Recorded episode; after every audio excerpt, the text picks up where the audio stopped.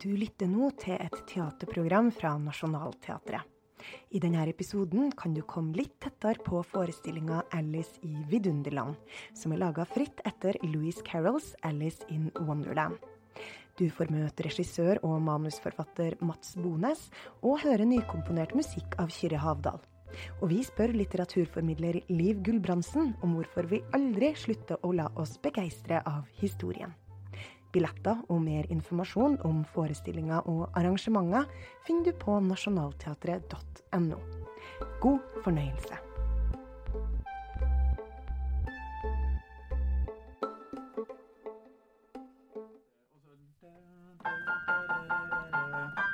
Det er kult å ha call and response. Alle kan sitte ned på sine plasser. Alle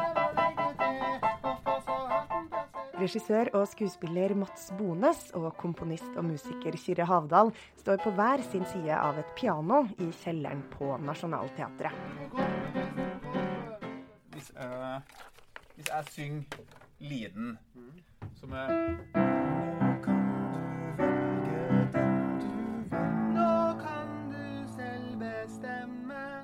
sant? Ikke? Jo. De to er hjernene bak høstens store familieforestilling på Nationaltheatret, 'Alice i vidunderland'.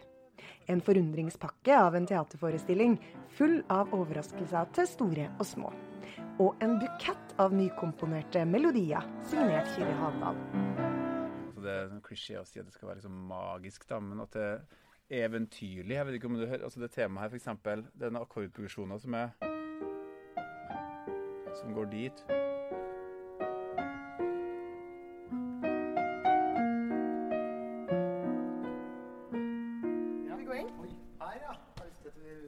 Oss her. Hvis det det her. Rett og slett. Balkong. Andre balkong.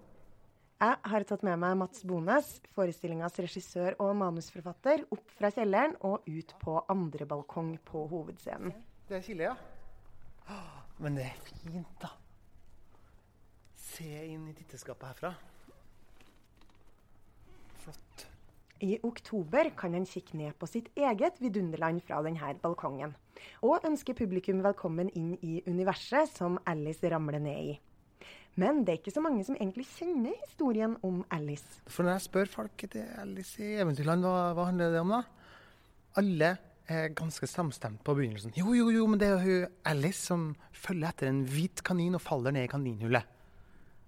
Og det har skjedd så mange ganger når jeg har spurt folk, eh, at det har stoppa der, og blikket blir tungt. Og det surrer som en tornado oppi huet mens man prøver å komme på hvordan, var- hvordan gikk det, hva som skjedde der. da.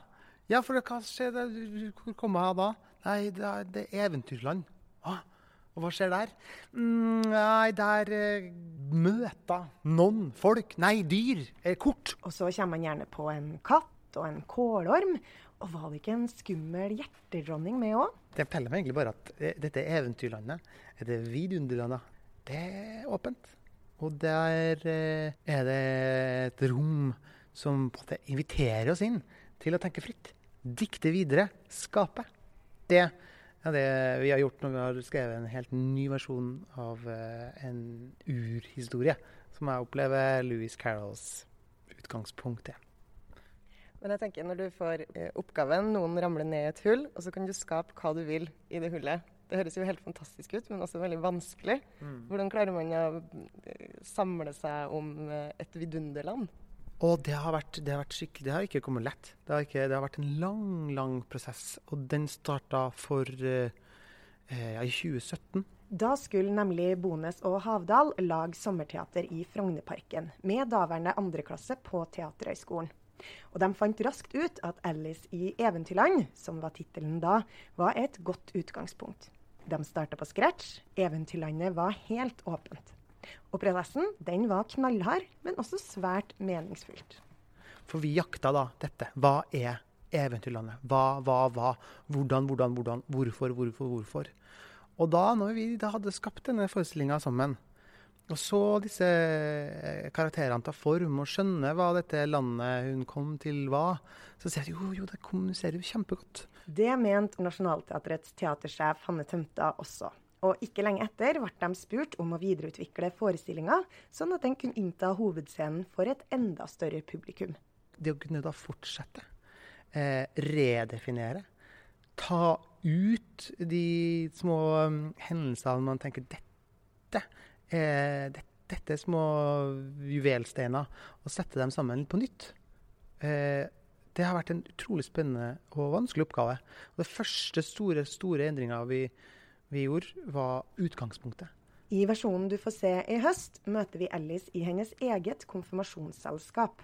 Akkurat der hun har ett ben i barndommen og et annet et i ungdommen, eller i voksenverdenen, i den spagaten der, hvis det er der vi møter eh, Når hun kjenner at eh, hendene er for lange, og det starter å poppe små sår i ansiktet, og man eh, føler seg fremmed, man eh, føler seg tom, man føler seg som ingenting.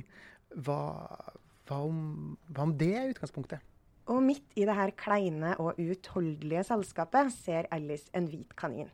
Hun følger etter den og ramler ned i et hull. Et vidunderlig kaleidoskopisk glitrende, lysende sted. Et eh, foranderlig eh, sted. Et, noe som er ujordelig. Og dem som skal skape det vidunderlige visuelle universet, er scenograf Gjermund Andresen, kostymedesigner Christina Lovery, lysdesigner Ingrid Skanke Høsøyen, maskør Terje Røsje og videodesigner Torbjørn Ljunggren. Altså, på mange vis har de rett og slett tatt det bokstavelig, for de har, har laga et slags scenisk tredimensjonalt kaleidoskop på Nationaltheatrets doble dreieskive. Og på den så kommer det til i all hovedsak å stå Jeg lurer på om det er seks til åtte gigantiske speil som også kan dreie. Så dreiende speil i flere retninger mens de snurrer lyssatt med kostymer som man ikke har sett maken til, tror jeg vil være med å skape denne fortryllende, blendende, eh, sinnssyke og fantastiske romlighetsfølelsen som jeg ser for meg når jeg lukker øynene og ser for meg Vidunderland.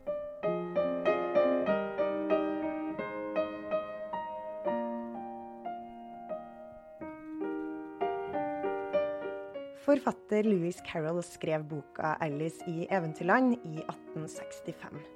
Det vil si at barn og unge har latt seg fengsle av denne historien i over 150 år. Hva er det som gjør at et verk overlever så lenge? Jeg tror det er mange ulike ting, men jeg tror at det viktigste er at det er så mye mylder og rart. Altså, dette er jo sånn typisk nonsenslitteratur. Det her er Liv Gulbrandsen, litteraturformidler og leder for bokåret 2019. Og, og, det som er viktig med det, er at det på en måte står i kontrast til å bryte med mer sånn pedagogisk eller moraliserende litteratur. Og veldig mye av den litteraturen og de fortellingene som er skapt for barn, har jo vært sånne, sånne fortellinger som vi kaller eh, 'vask hender, pust hender, vær lydig'. Mot, mot, Gud eller mot de voksne. ikke sant? Og oppfør deg som en veldig veldig flittig og flink minivoksen. Og akkurat det at det kommer litteratur og fortellinger som er lagd for å underholde og undre seg og er magiske og merkelige, det, det, tror, jeg er, eh, det tror jeg er mye av kjerna i hvorfor denne den, det, dette verket har vært så interessant. Men som Mats Bones nevnte, så er det ikke alle som husker Carols grunnfortelling om Alice. Vi ba Liv Gulbrandsen om å gi oss en kjapp gjenfortelling. Hovedpersonen er Alice, og hun sitter ved elvebredden sammen med søstera si, og så sovner hun. Eh, og i drømmene så ser hun en liten kanin som løper forbi henne, og som har en klokke og må passe på tiden. Og så blir hun så nysgjerrig, så hun løper etter. Og kaninen forsvinner ned i et hull, og da kaster de seg etter, og så faller hun. Og så kommer hun da til en, et slags parallelt univers, vil jeg si, ikke hvor, hvor uh, hun er i en slags sånn underjordisk verden, med, hvor hun møter veldig mange ulike figurer og situasjoner. Og der er det mye magisk og mye sånn elegant tull, som man kan kalle det. Og så møter hun en diger orm som uh, røyker vannpipe. Hun spiser små kjeks. og som gjør henne stor. Hun kan drikke fra flasker som gjør henne liten. Hun møter en dronning som hun spiller krokket med, hvis jeg ikke husker feil. Eh, og, og, det er ofte magisk og mystisk og tidvis morsomt, men også veldig skummelt. Men hvordan ble denne fantastiske fortellinga til? Ja, Det som sies, da, eh, er jo at eh, forfatteren han eh, begynte denne fortellinga som en slags sånn, en, en muntlig fortelling for en, en, en, jente han kjente, som var dattera til en venn av han. Og de var på båttur, og jeg tror det var hun og to søstre. Um, og så begynte han å fortelle historien om uh, Alice i Eventyrland. Og den ordentlige Alice, Alice Liddle, hun var da rundt ti år, tror jeg. Uh, og så dro han hjem, og så skrev han ned deler av denne historia. Og så ga han denne til henne i en, en julegave seinere. Og og det, er, sånn uh, den sies at det ble til. Men akkurat om, han, om, det var sånn at hele historien ble funnet på på den båten, eller om han skrev det videre etterpå, jeg ville trodd det siste, egentlig. Men det her er sånn som folk som de lærde strides om, som han sier så vakkert. Det man i alle fall vet, er at Louis Carroll var matematikklærer. Og det syns jeg er ganske gøy, fordi også i Alice så er det sånne merkelige små regnestykker og ting hvor du tenker at det, dette er en fyr med humor også, også, i sitt eget fag. Men så tenker jeg også at eh, hvis han hadde fått fullt utløp for de kreative på jobben sin, så hadde han nok aldri giddet å skulle underholde et barn han kjente, på den måten han har gjort. Det, han har nok hatt en del sånn eh, kreativt indre trykk, tror jeg. Eh, som han fikk ut, kanskje, ved å lage den historien. Mange har latt seg fascinere av Carols verk. Det har blitt forska på av matematikere, filosofer, språkvitere, historikere, og blitt tolka i mange ulike retninger. Alle de sprangene og laga og aksen sant, som fins i de ulike fortellingene, er nok en av grunnene til at det er mulig å lage så mange tolkninger. da. Uh, og folk har jo sagt alt fra at dette er en framstilling av LSD-rus, psykoanalyse. At det er, eh, det er, eh, Noen har anklagd det for å være revolusjonært og som en slags politisk pamflett mot uh, fascisme. Det er, det er mange, mange, ulike varianter av tolkninger. Og det er jo veldig gøy med verk som, som får en sånn betydning at man må diskutere det. Alice i Eventyrland har hatt stor påvirkning på verdenslitteraturen og populærkulturen. Den har vært veldig viktig for mange forfattere som har hatt samme måte tanke som eh, Carol. Og det er rett og slett den tanken om at, det, eh, om at, barn er hele mennesker. Det er ikke uferdige mennesker som vi skal bruke kulturen til å oppdra til å bli noe. De er hele mennesker som, som skal ha mulighet til å oppleve og se ting som gjør at de har det interessant og blir underholdt og tenker og er med på noe. ikke sant? Og er det, det er ikke så overraskende da, når du, når du veit det, at, at, det er forfattere i Norge som f.eks. Alf Prøysen, eh, Bringsvær, Sinkenhopp, en veldig viktig Nonsen-forfatter, som har, for å nevne noen, da, som har vært veldig engasjert i, eh, i, i, i dette verket. Og Klaus Hagerup, en annen nydelig forfatter, som, eh, som, også har vært med på å sette opp dette før, faktisk, og vært veldig engasjert i det. Så det er klart at det, det at det kommer en sånn, en, en sånn bok som, som, på en måte virkelig viser da, hvilke muligheter som ligger i å kjøre på med skvalder og vås, underholdning og spillopper, liksom. Eh, som er morsomt, men med masse dybde og merkelige greier. Det tror jeg har vært veldig veldig inspirerende for, eh, for, eh, for våre beste barne-, barne og ungdomslitteraturforfattere. Hun tror også at mange har hatt lyst til å videreformidle og bearbeide verket, fordi det er barnelitteratur med en enorm kompleksitet.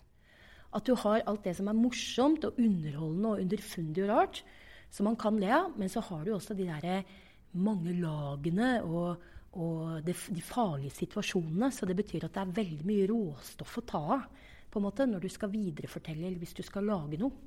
Det er jo veldig mange ulike små fortellinger i boka òg. Og det betyr at det er veldig mange steder å være, på en måte. Det er jo derfor ofte du, du leser bøker eller, eller, går inn i fortellinger, at du har en mulighet til å være i ikke verdener og, og stemninger. Og så er det det med å forfølge lille Alice ikke sant? i et univers som er helt absurd på mange måter, men også veldig kjært og nært noen ganger, og vrengt. Og så leiter du også etter sammenhengen. Altså, det er jo tusen små gåter her hvor du ser liksom speilinger og likheter som gjør det mer interessant. Da. Så jeg vil si at det er liksom små fortellinger, men samtidig så er det, det er høy vanskelighetsgrad. på en måte.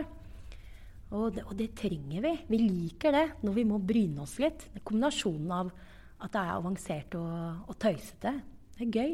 En hode til hode, i hodet vårt fra topp til tå. Der banker hjertet vårt Og gøy blir det også garantert når Mats Bones og Kyrre Havdal lager sin vri på historien. På Trøndelag Teater har de tidligere skapt forestillinger som Robin Hood, Rai Rai i Sherwoodskogen, Tordenskjold, Alle tiders trønder og Juleevangeliet, The Smash Hit Musical, som de vant Komiprisen for. Det, det er ikke noe artig hvis det ikke er artig. Det må, det, nei, herregud. Så klart det skal være artig. Men der, der finnes det jo mange måter å være artig på. Vi har prøvd å styre oss unna en vitsetungt uh, forestilling. Uh, så vi, vi, vil ikke sånn blunk-blunk-vitse oss gjennom forestillinga. Jeg tenker at det er vel så morsomt med de gjenkjennende øyeblikkene. Bare den talen som far forsøker å holde til sin datter. Den inneholder ikke en eneste vits. Men jeg tror den kommer til å bli superartig, for han prøver så hardt. Og han skjønner så godt at han ikke helt får det til. Og man kan formelig kjenne at han blir rød sjøl over eh, hvordan han roter seg bort. Hvordan de vitsene han har planlagt, ikke slår an. Hvordan eh, han opplever at han klarer ikke å kommunisere med dattera si i det hele tatt. Og i gleden over å ha kalt festen en overgangsfest, og ikke en konfirmasjonsfest. Og så plumpe ut med å si at eh, det er enn det. Tenk å være i sin aller første overgangsalder. Og stillheten etterpå, i det det stikk Åh, sa jeg det? Det var ikke noe gøy. Og det litt megetsigende blikket fra tante 63, som ikke syntes det var noe gøy. Og der ligger mye av humoren, tror jeg. Der ligger det mye av når tanta som klirrer i glasset og tar til orde for nok ord. La oss synge. Og man plukker opp en rosa sang, og vi fyrer opp pianoet, og alle synger sangen på den kjente, kjære melodien 'De nære ting', som heter 'Å slå ut i blomst', der hun velger å si det akkurat som hvordan det er å bli kvinne. Og det kan bli ulidelig. Og jeg tror da, når, når den hvite kaninen da dukker opp for uh, Alice sine øyne og vinker med seg Jeg tror alle kjenner på gud, så bra at hun bare nå dro'. For det her er uutholdelig. Og forhåpentligvis ganske gøy. I tillegg til humoren er musikken også svært viktig når duoen Bones Havdal lager forestillinger. Musikken, den eh, holder på å si alfa og omega. Det er en historie som fortelles i stor grad gjennom både sang og underscore. Og i den grad det finnes en eh, stilart på musikken, så er det at den spriker i alle retninger. Vi går fra det mest urban street style-aktige meganummeret til de mer lavmælte balladene til lystige showtunes. Så den, eh, den vil eh, nok bli som en musikalsk fest, sånn sett også. Og der òg blir det jo tredimensjonalt, rett og slett. Fordi bandet sitter på scenen. Eh, det er skuespillerne som synger. Og hvis man da Plusse på det med da denne speilkaleidoskop-scenografien som snurrer, og lyskastere som treffer, og røyk og musikk. Da, skal du være ganske muggen, altså. Om det ikke rocker litt i rockefoten. Kan man si det? Det, det, det er nesten, nesten det like Akkurat som ellevilt er det minst elleville ordet, så er rockefoten det minst, minst rockete begrepet. ja da.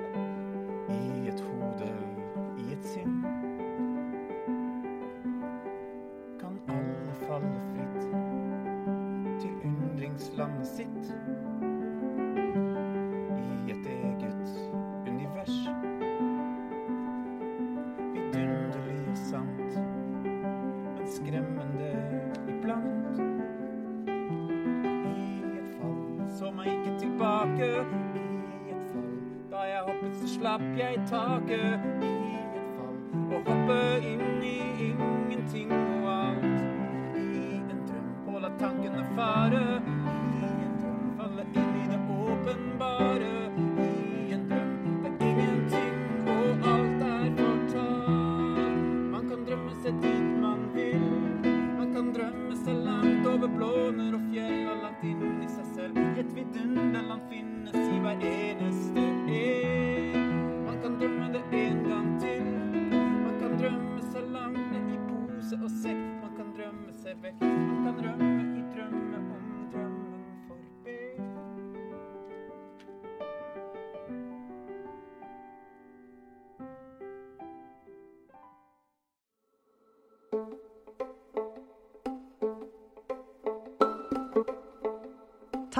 du hørt på et teaterprogram fra Nationaltheatret.